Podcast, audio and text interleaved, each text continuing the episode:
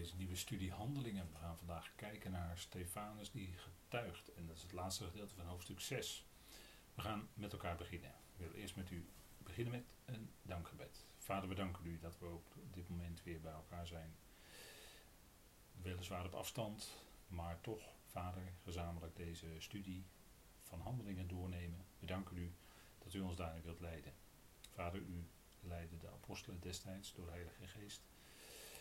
En u wel dat Stefanus een enorme getuigenis heeft achtergelaten. waarin hij net zo als zijn Heer, uw Zoon Christus Jezus, getuigde. Vader, dank u wel dat we daarbij stil mogen staan in deze studie. Geef daarin wijsheid, de juiste woorden. En mag het voor ons duidelijk worden. En mag het ons geloof opbouwen, maar bovenal zijn tot lof en eer van u. Dank u wel dat u in onze omstandigheden weet wat nodig is.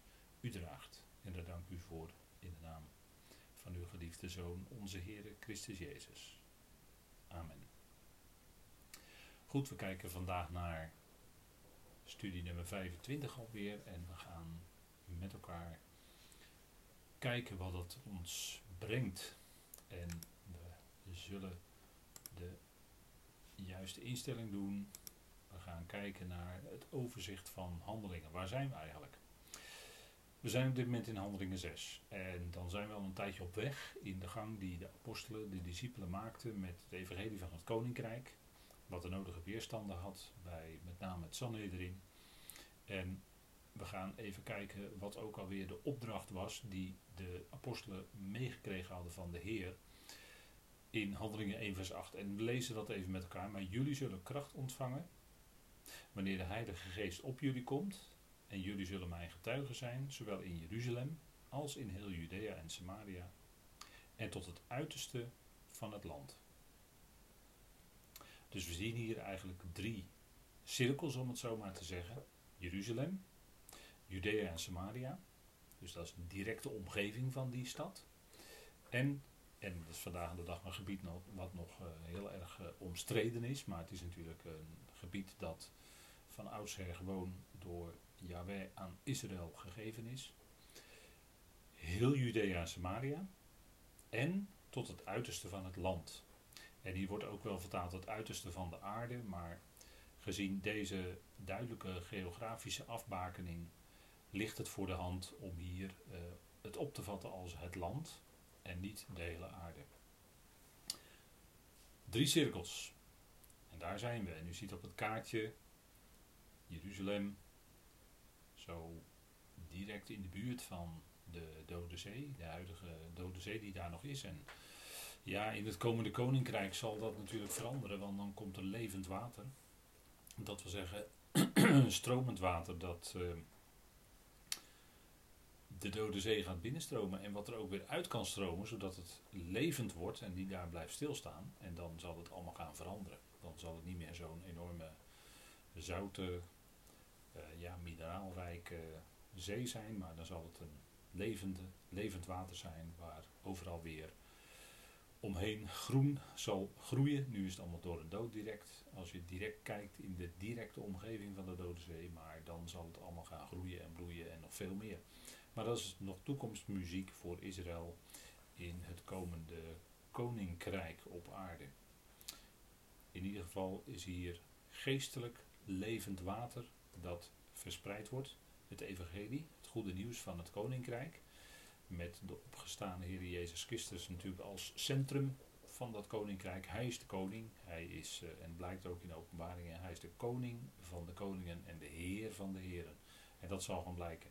En wat dat betreft, we lopen op het einde van deze boze eon. En het zal niet zo lang meer duren voordat die laatste jaarweek van Daniel gaat beginnen. En dan zal na die jaarweek direct de Heer zijn voeten zetten op de Olijfberg. Zijn aanwezigheid op de Olijfberg te onderscheiden van zijn aanwezigheid in de lucht voor de gemeente. Dat is voor de 70ste jaarweek, als u het mij vraagt. En dan zal die gemeente verzameld worden. En ik verwijs dan graag naar de huidige dagstukjes. We spreken vandaag 12 maart. Verwijs ik graag naar de huidige stukjes die al een tijdje bezig zijn over dat bekende gedeelte 1 Thessalonicense 4 vers 13 tot en met 18. Maar wat is het fijn om daar weer mee bezig te zijn. En ik denk dat het goed is om u daar even dan zo op te wijzen. En later kunt u dat ook allemaal wel weer uh, terugvinden. We gaan kijken verder in Handelingen, Handelingen 6. En we zien dat het getuigenis in Jeruzalem beschreven wordt in de hoofdstukken 2, vers 14 tot met 7, vers 56. Judea en Samaria, dat dat bereikt wordt met dat evangelie van koninkrijk. Wat vandaag de dag dus niet geldt. Vandaag de dag is het evangelie van de genade. En toen waren zij bezig met het evangelie van het koninkrijk. Hè, als onderdeel van het evangelie van de besnijdenis. Nou goed, dat uh, is duidelijk denk ik. Judea en Samaria, handeling 8 vers 4 tot en met 40. Daar zullen we, zo God het geeft, nog aan toekomen. En dan het uiterste van het land. Dat is handelingen 9 vers 32 tot en met 11 vers 30. En dat is natuurlijk de bekende gang die Petrus maakt als leider van de apostelen van de besnijdenis. Naar die hoofdman Cornelius, die Romeinse hoofdman Cornelius, die een God vereerder was. Hebben we vorige keer gezien. Hè? Hij was een proseliet van de poort. En hij was al genaderd tot de God van Israël. Dus uh, Petrus ging niet naar een pure heider, om het zo maar te zeggen. Nee, het was al een proseliet. En dat maakt een enorm verschil hoor. In hoe je handelingen ziet. En hoe je eigenlijk, uh, ja, dat verschil, de verschillen tussen Petrus en Paulus, hoe je dat ziet. Hè? Nou goed, dat, uh, ik denk dat dat ook wel een punt is. Maar daar hopen we dan misschien, als God het geeft, nog aan toe te komen. We lezen dan over verwerping, want we zijn hier bij Stefanus. En u weet natuurlijk hoe, hoe zijn getuigenis afliep. Dat hij dat met de dood inderdaad moest bekopen. En we lezen dat in Handelingen 7, vers 56 tot 60. Verwerping van een indringend getuigenis dat Stefanus doet tegenover het Sanhedrin. En nogmaals, als het Sanhedrin toen op, op grond van de, of aangesproken door de boodschap die Stefanus hen bracht, en daar kunnen we uitgebreid gaan we dat lezen in Handelingen 7, dat hele stuk gaan we natuurlijk doornemen, dan zou dat koninkrijk menselijkerwijs doorgebroken zijn in Israël en vanuit Israël natuurlijk over de volkeren. Dus we zitten hier op een, weer op een cruciaal punt hè, in handelingen. En we zien daar een enorme afwijzing van dat getuigenis. En dat komt maar liefst twintig keer voor in handelingen. En dan zien we dus hoe vaak in handelingen melding wordt gemaakt van de verwerping en het terugroepen van het aanbod van het koninkrijk. Het koninkrijk nogmaals is het aardse koninkrijk van de Messias Jezus. Wat hij zal brengen hier op aarde. En u ziet hier de teksten. Nou, ik eh, daag u uit om die teksten dan eens na te gaan en u te, te laten informeren door de schrift zelf. Hoe vaak de Joden en met name dan de orthodoxie het aanbod van het koninkrijk heeft verworpen. En daarin betoonden zij zich in, ja, in een stuk ongeloof. Daarin betoonden zij zich in een stuk weerspannigheid tegenover de Heilige Geest tegenover God. En dat is verdrietig. En aan de andere kant is het ook zo dat het ten diepste Gods plan toch was, weten wij achteraf. En dus wij kijken er toch wat anders tegenaan. Maar gezien toen de hele ontwikkeling, zullen de apostelen zich toch vaak afgevraagd hebben. Ja, het is ploegen op de rotsen. We doen ons uh, uiterste om het allemaal uit te brengen, om ervan te getuigen, om de naam van Jezus bekend te maken aan ons volk, maar het lukt maar niet, het lukt maar niet uiteindelijk. En ze zullen zich vaak afgevraagd hebben wellicht, waarom niet? En misschien dat Petrus toch iets vermoed heeft en later blijkt het ook wel eens zijn tweede brief van de apostel Paulus. Die werd geroepen en die ging erop uit en ja, dat was toch met een wezenlijk andere boodschap. En Petrus zegt dan ook dat de brieven van Paulus, de dingen met name over de toekomst en dergelijke, moeilijk zijn om te verstaan. En ook die overstromende genade, ook daar lezen we in handeling, of in uh, de gelaten brief van, met die confrontaties tussen Petrus en Paulus, dat daar, Petrus daar, ja, hoe zat dat nou? En hij kon die genade niet helemaal verstaan, niet begrijpen. En de apostel Paulus mocht dat brengen en die heeft dat natuurlijk als geen ander gebracht. En hij was ook de unieke apostel voor de natieën met dat bijzondere evangelie van de genade, het evangelie van de onbesnedenen. Wat zo totaal anders is van karakter als het evangelie van de besnijdenis. En daar heeft natuurlijk de prediking van het kruis en de opstanding alles mee te maken.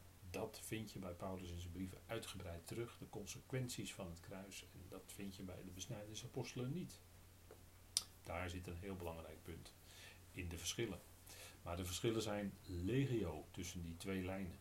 En als je erop let, dan, dan zie je dat en dan weet je dat. En dan uh, weet, je ook dat die lijnen van de schrift gewoon lopen. Twee verschillende lijnen, twee evangeliën, twee apostelschappen. Het ene voor de natie en het ander voor alle natie en het ander puur specifiek voor de besnijdenis duidelijk hoor. Gelaten 2 vers 7 tot en met 10 is daarin heel erg duidelijk. En als u daar zich verder in wil verdiepen, eens een keer, misschien zegt u van nou, dat, dat wil ik toch wel meer van weten. Gelaten 2 vers 7 tot en met 10, dan verwijs ik u naar de studies Galaten, die ook op eh, de website daad.nl te vinden zijn. En daar is uitvoerig over gesproken, over die versen. En laat u dan door die studies informeren natuurlijk, we willen alleen maar één ding. Wat zegt de schrift ervan laten zien? En dat komt in die studies naar voren. We gaan kijken in Handelingen 6, waar we vandaag bij stilstaan. De laatste, het laatste gedeelte van Handelingen 6. Stefanus nu, vers 8. Vol van genade en kracht deed grote wonderen en tekenen onder het volk. Hij was vol van genade en kracht. En dat is bijna hetzelfde als wat van de Heer Jezus gezegd werd. Hij is, die was, was en natuurlijk ook is vol van genade en waarheid. Dat is wat de Heer Jezus ook getuigde. Hij getuigde voor Pilatus en Herodes van de waarheid. De waarheid was er zelf. Hij getuigde van de waarheid en de betrouwbaarheid van al Gods beloften, van Gods woord, dat hij de zoon van God is. En dat hij ook de zoon van Adam is, dat hij daardoor, en de zoon van David natuurlijk, en daar door had hij alle rechten op de troon. En uh, ja, getuigde van die waarheden. En dat moest hij met zijn leven bekopen. Maar wat geweldig is dat hij ook werd opgewekt uit de doden. En dat gaf een enorme vernieuwing en kracht bij die discipelen. Ze werden apostelen. En Stefanus, die was geroepen tot het evangelie van het koninkrijk. En hij was vol van genade en kracht. Door Heilige Geest. Door Heilige Geest, tuurlijk kon hij, had hij absoluut niet van zichzelf. Niets. En hij deed grote wonderen en tekenen onder het volk. En het volk moet geweten hebben, hier is iets bijzonders aan de hand. Dit is wat de profeten hebben gezegd. Wat zou gebeuren als dat koninkrijk van de Messias zou doorbreken. Hij sprak. Hij deed grote wonderen en tekenen, zodat zelfs hier hè, de lammen gingen lopen. En zoals Jezaja het zegt, de blinden gaan zien, de doven gaan horen. En dat was bij de Heer Jezus al zo geweest. En hier krachtige doorwerking van de Heilige Geest in die tijd om te betuigen dat hier dat evangelie, dat koninkrijk gaat doorbreken.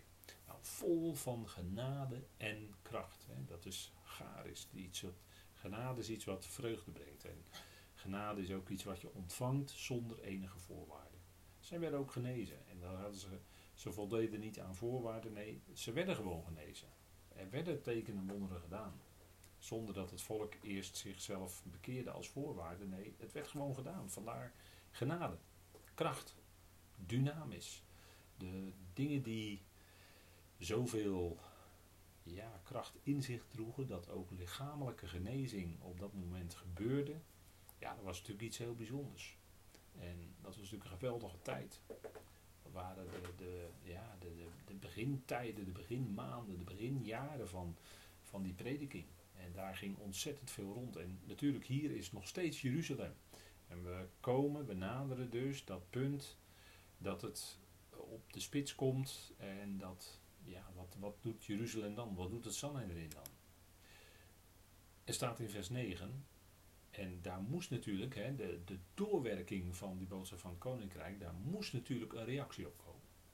Als God doorwerkt met zijn Heilige Geest, dan moet daar vanuit de andere kant een reactie op komen. En dat kwam, ook. Dat is altijd, u weet dat, u kent dat vaste principe, daar waar het woord op een of andere manier gepredikt wordt. Hier, koninkrijk, nu evangelie van de genade. Als dat sterk uitgedragen wordt, komt er altijd weerstand, komt altijd tegenstand op. De tegenstander reageert. en reageert via mensen. Nu stonden er enige op van hen uit de synagoge, Libertijnen genaamd, en van Cyreneërs en Alexandrijnen, en hen vanuit Cilicië en Azië, redetwistend met Stefanus. Ze begonnen met hem in discussie te gaan, redetwisten. En dat is wat, uh, wat vaak ook een vorm is van tegenstand. Men gaat dan dat woord wat gesproken wordt ter discussie stellen, dat het misschien toch wel anders kan zijn. En in onze tijd is, uh, in de afgelopen 2000 jaar, is dat bij het evangelie van de genade natuurlijk vaak geweest. Ja, maar er staat ook nog dat en dat in de schrift. En er staat ook nog dat en dat. En ja, maar er staat ook nog dat en dat. Allemaal weerspreken, tegenspreken. En dat wat daarover heeft Paulus het ook tegenover Timotheus, die hem opvolgde dat Timotheus met zachtmoedigheid de tegensprekers zou weerleggen. En daarvoor moest Timotheus natuurlijk ook een schriftkenner zijn, omdat men vaak toch aankomt met Gods woord, zoals de tegenstander zelf ook bij de Heer Jezus aankwam met Psalm 91. Ja, er staat toch in die Psalm 91, hè, de engelen zullen komen om je te bewaren als je jezelf maar eventjes nu van de steilte afstort zo probeerde de tegenstander de Heer Jezus te verleiden. En hij sprak, hij antwoordde toen, de Heer antwoordde met er staat geschreven. Er staat geschreven.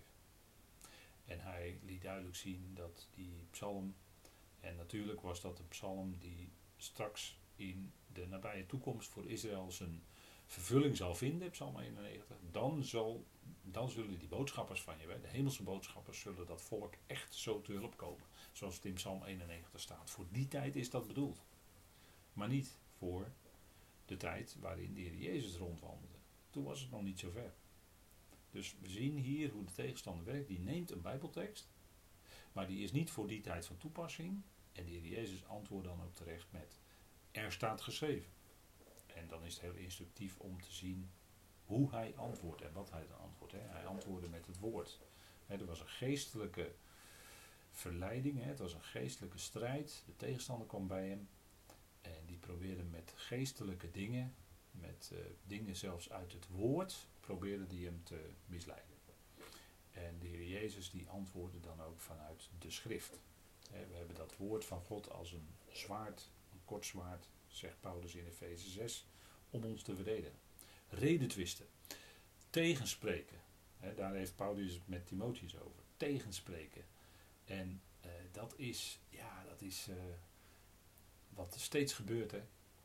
Het wordt tegengesproken. En als men dan uh, het niet kan winnen op, op, op hun argumenten om te misleiden, om de zaak door elkaar te willen husselen, want dat is de tegenstander natuurlijk ook altijd buiten. Gods woord ter discussie stellen, het door elkaar mengen en daardoor onzekerheid creëren, grijs maken wat wit is en proberen wit te maken wat zwart is.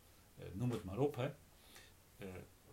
En dit waren mensen uit de. Hè, ze kwamen natuurlijk met die, met die schrift aan, want ze kwamen uit de synagogen, Libertijnen, Cyreneërs, Alexandrijnen, uit Cilicië en Azië.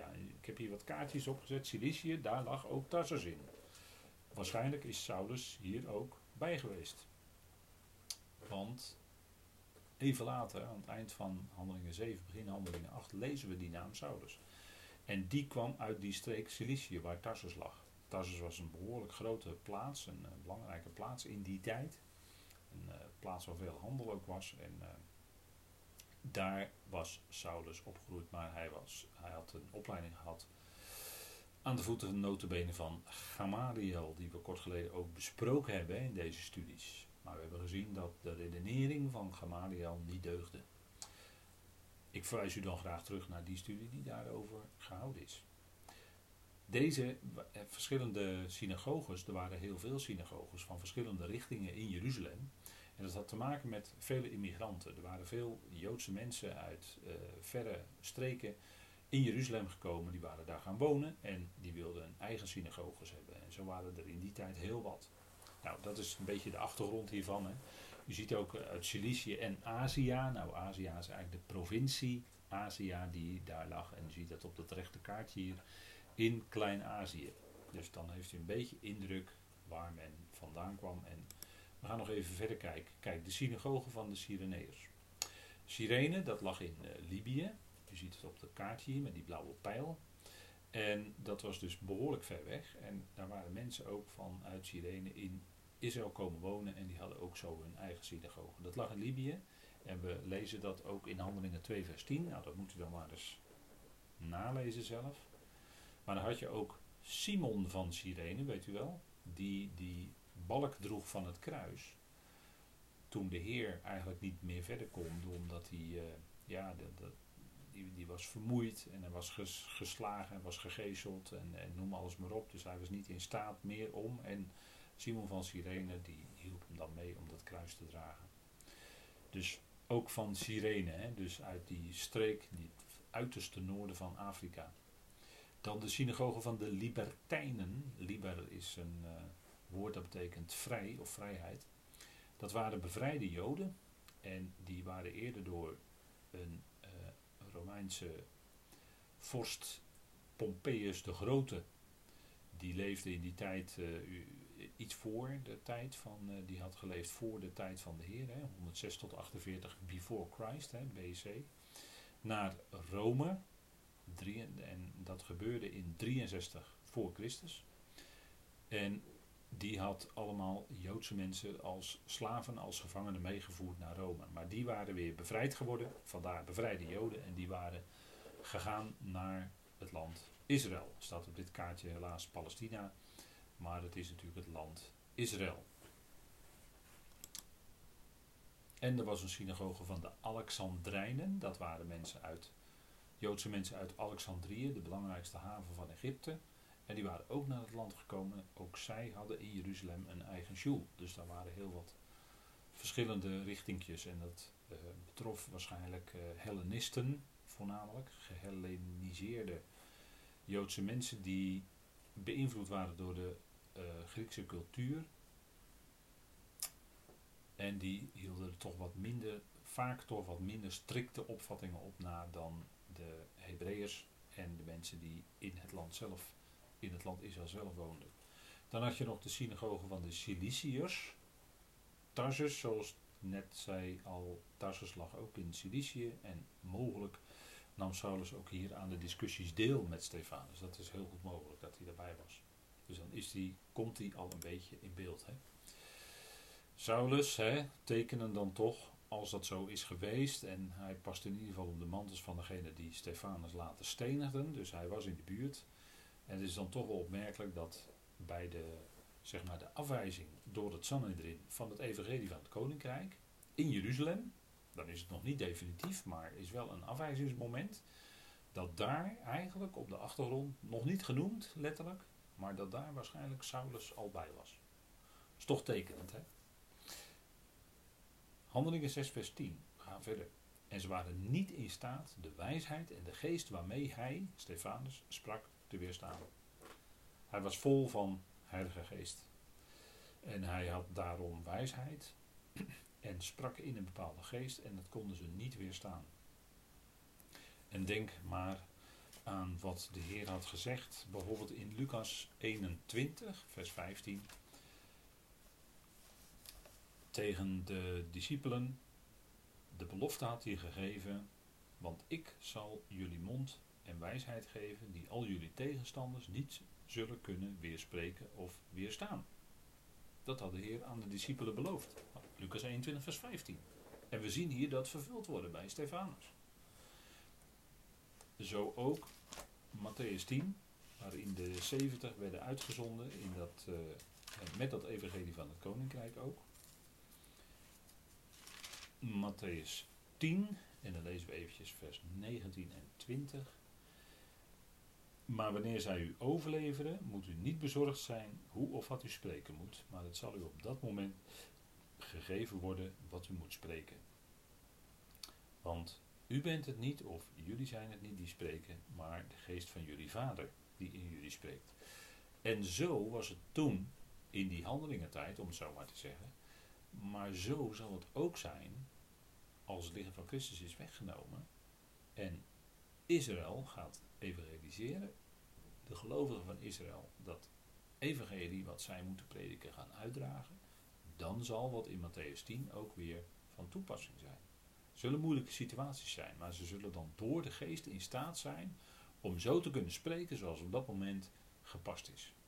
En we lezen ook in, en dat is misschien ook wel fijn om heel even dan nu ook te lezen, 1 Corinthië 12 vers 8. Want daarin wordt gesproken over de geest die toedeelt. Want aan de een wordt door de geest een woord van wijsheid gegeven. En aan de andere een woord van kennis door dezelfde geest. Maar dat gold in die tijd, in die handelingentijd. Toen waren er bijzondere toedelingen van de geest, wijsheid en kennis, omdat het nog niet volkomen was. Nu is Gods woord compleet en is dat niet meer nodig. Maar toen was dat wel nodig, omdat er toen grote veranderingen waren. En het was bevorderlijk, hè, dat woord wordt al gebruikt, bevorderlijk, eh, om de gelovigen verder te kunnen helpen. In dat woord bevorderlijk zit in het Grieks ook het woord dragen. Dus het droeg hen door die tijd heen. Die bijzondere toedelingen, die bijzondere gaven die God toen in die tijd gaf van de geest. In deze tijd, als je de brief van Paulus leest, daar zit natuurlijk een duidelijke opbouw in, ook als het gaat om verschillende gaven. In deze tijd heb je niet meer van deze gaven die als zodanig functioneren. Waarom niet? Omdat die te maken hadden met de komst van dat aardse koninkrijk. En nu Gods woord gecompleteerd is, hè, lees Colossense 1, Gods woord is compleet gemaakt, is gecompleteerd bij Paulus. Daarom hebben, die, hebben we in de schriften zelf voldoende wijsheid en kennis om te kunnen leven en eventueel ook om dingen te kunnen spreken, te kunnen weerleggen en noem maar op. Dus ik denk dat dat even een punt is. Hè. Dan ziet u even hoe dat, hoe dat in ontwikkeling was in die tijd. En die gaven waren nodig, bevorderlijk.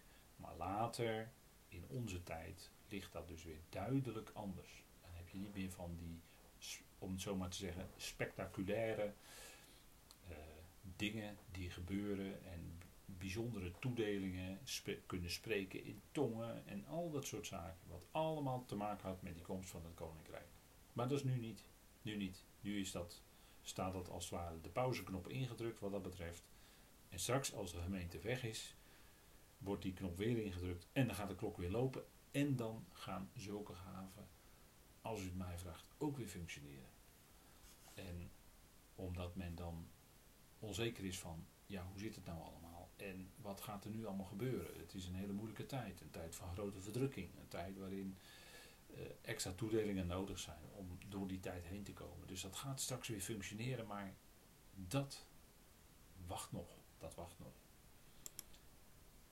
Toen stookten zijn mannen op, zeggend: Wij hebben hem lastelijke uitspraken horen spreken tegen Mozes en tegen God. En hier zien we eigenlijk de tactiek van de tegenstander. Men verspreidt laster, hè, men uh, gaat in het algemeen praten, zonder de inhoud te weerleggen.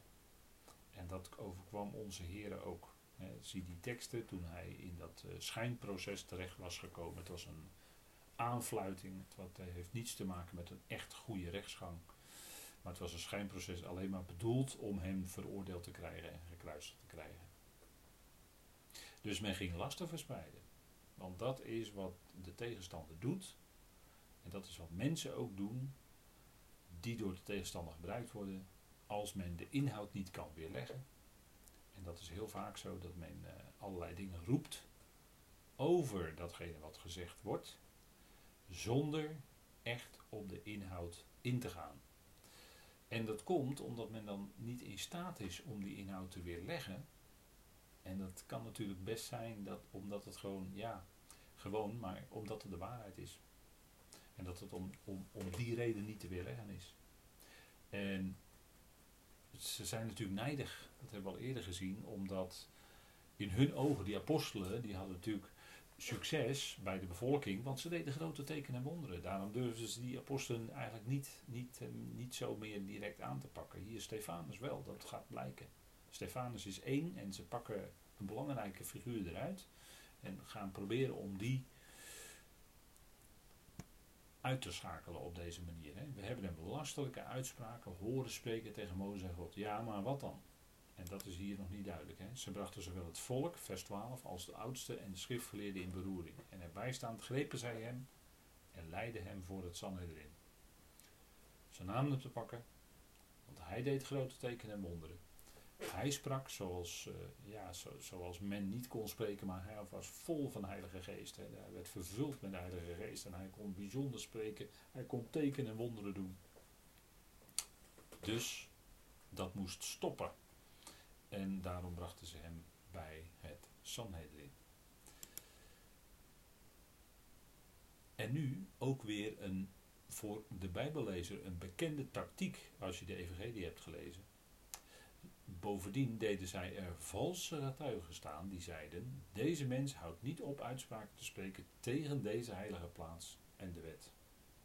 En natuurlijk, Stefanus zal ongetwijfeld dingen hebben gezegd over dat heiligdom en over de wet. Maar dat zal in navolging van zijn Heer geweest zijn, die ook bijzondere dingen had gezegd over die heilige plaats, over dat heiligdom, dat het afgebroken zou worden, enzovoort. En ik heb hier bijgezet en dan kwam ik uh, tegen, en dat is natuurlijk volkomen terecht. Uh, Exodus 20, vers 16. In de tien woorden staat onder andere: Je zult geen vals getuigenis spreken tegen je naaste. En dat deed met die valse getuigen hier wel. Dus eigenlijk raar dat dat door het Sanhedrin zulke getuigen werden gebruikt. Terwijl het Sanhedrin als geen ander wist wat in die tien woorden staat. Je zult geen vals getuigenis spreken tegen je naaste. En die valse getuigen werden opgeroepen, want ze waren op dat moment nodig om Stefanus uitgeschakeld te krijgen. En dat was bij de Heer Jezus precies hetzelfde. Daar kwamen ook valse getuigen. Die uh, beweerden dat de, die, die verdraaiden de woorden van de Heer Jezus, dat is het punt. Hè. Ze wisten wel, ze kenden wel de woorden die de Heer gesproken had. En ook hier, ze kenden wel die woorden die Stefanus sprak. Maar ze gingen ze verdraaien. En daardoor tot onwaarheid maken. En dat maakte tot valse getuigen. Want een echte getuige, die echt voor de waarheid getuigt, die zal letterlijk gaan zeggen wat gezegd is.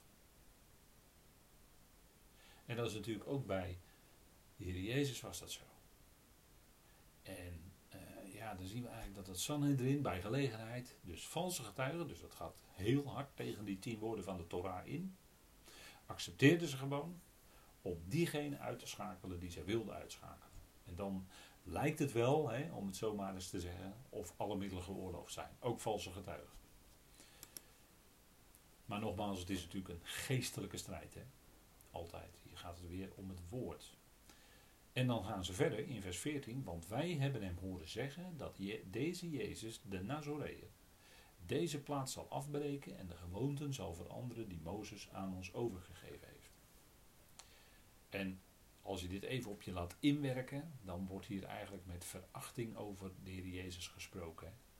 Ja, zo sprak men met minachting over hem. Hè? Jezus, de Nazoreër. Met andere woorden klinkt daarin door van, ja, hij kwam uit Nazareth. En zou er uit Nazareth iets goeds kunnen komen? Nee, natuurlijk niet. En Petrus noemt hem ook zo, maar dan juist expres in Handelingen 2 met veel respect die naam, die, deze uitdrukking die men vaak met minachting gebruikte, gebruikt Petrus juist in Handelingen 2. Jezus de Nazoreër met respect om aan te duiden wie hij is. En in dat woord Nazoreër, dat kun je ook uh, terugleiden naar het Hebreeuwse netzer. En dan betekent het spruit.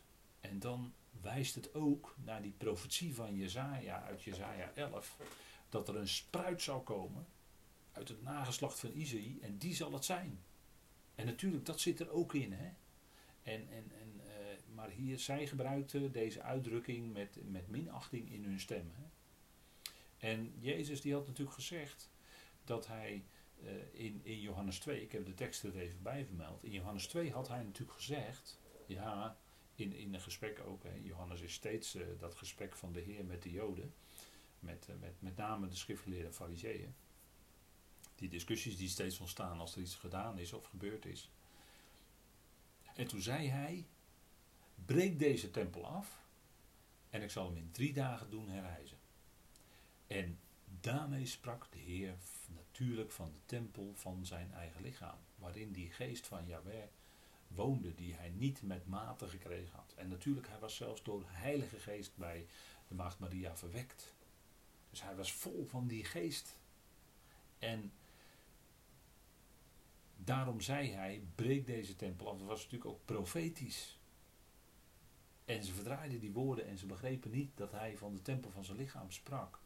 Maar dat hij van die tempel van Herodes sprak, waar, waar die geest helemaal niet in was. Hè, die, want Ezekiel had die heerlijkheid, had die Shekinah, die geest al zien vertrekken. Hè, Ezekiel, hè, Ezekiel 9, 10, 11, wat is het?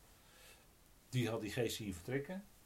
Dus die geest die woonde niet in die tempel van Herodes, waar maar liefst 46 jaar of ja, ruim 40 jaar over gebouwd was.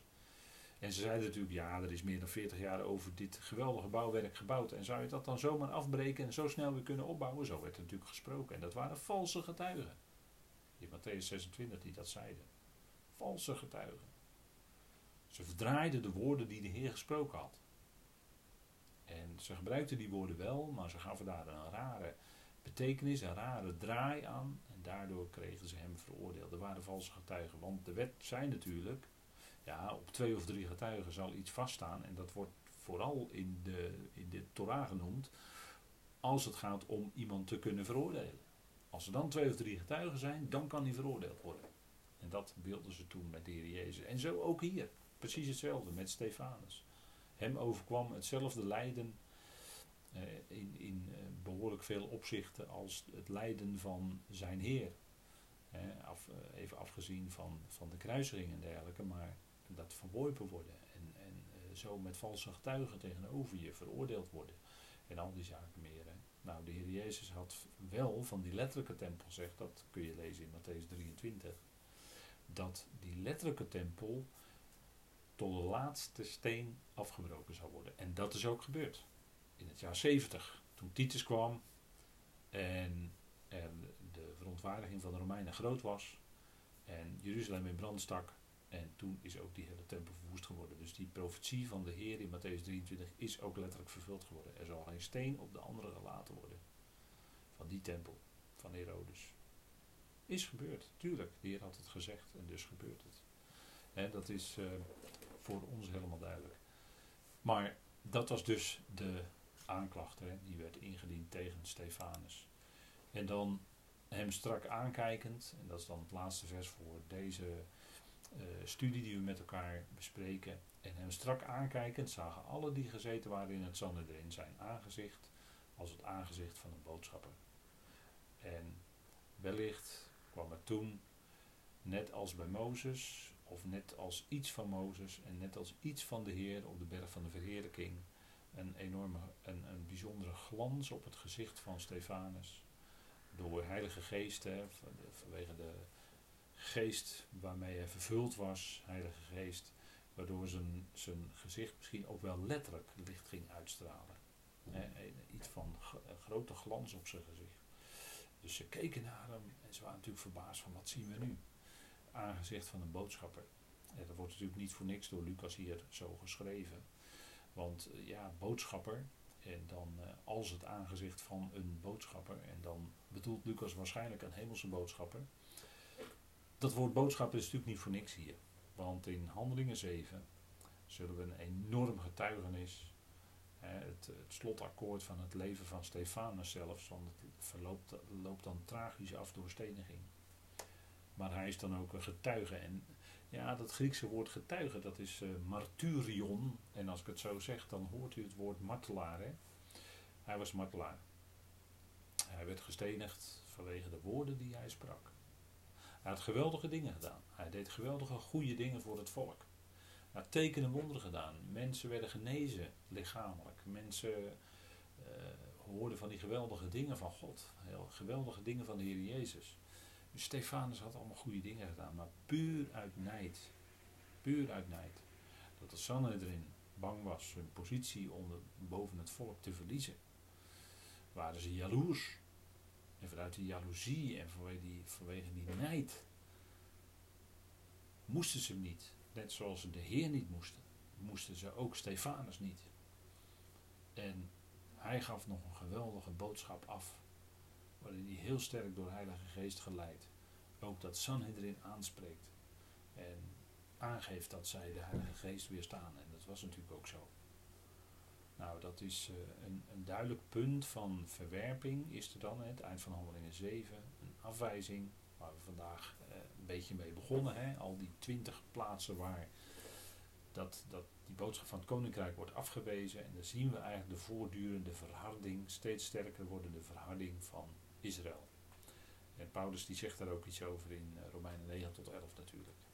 Maar goed, eh, ook in onze tijd is dat volk als volk. Hè, als je daar komt in het land Israël, en op dit moment is dat natuurlijk heel lastig, maar als je daar komt in het land Israël, dan zie je dat het volk als volk niet is wedergeboren. Er zijn natuurlijk wel diverse groepen die inderdaad de Heer Jezus als hun Messias hebben, hè, zijn gaan zien dat Jezus hun Messias is. Maar voor het, eigenlijk voor het overgrote deel is het volk ongelovig. Geloven ze op dit moment nog niet in Jezus als hun Messias. En uh, dat gaat wel komen.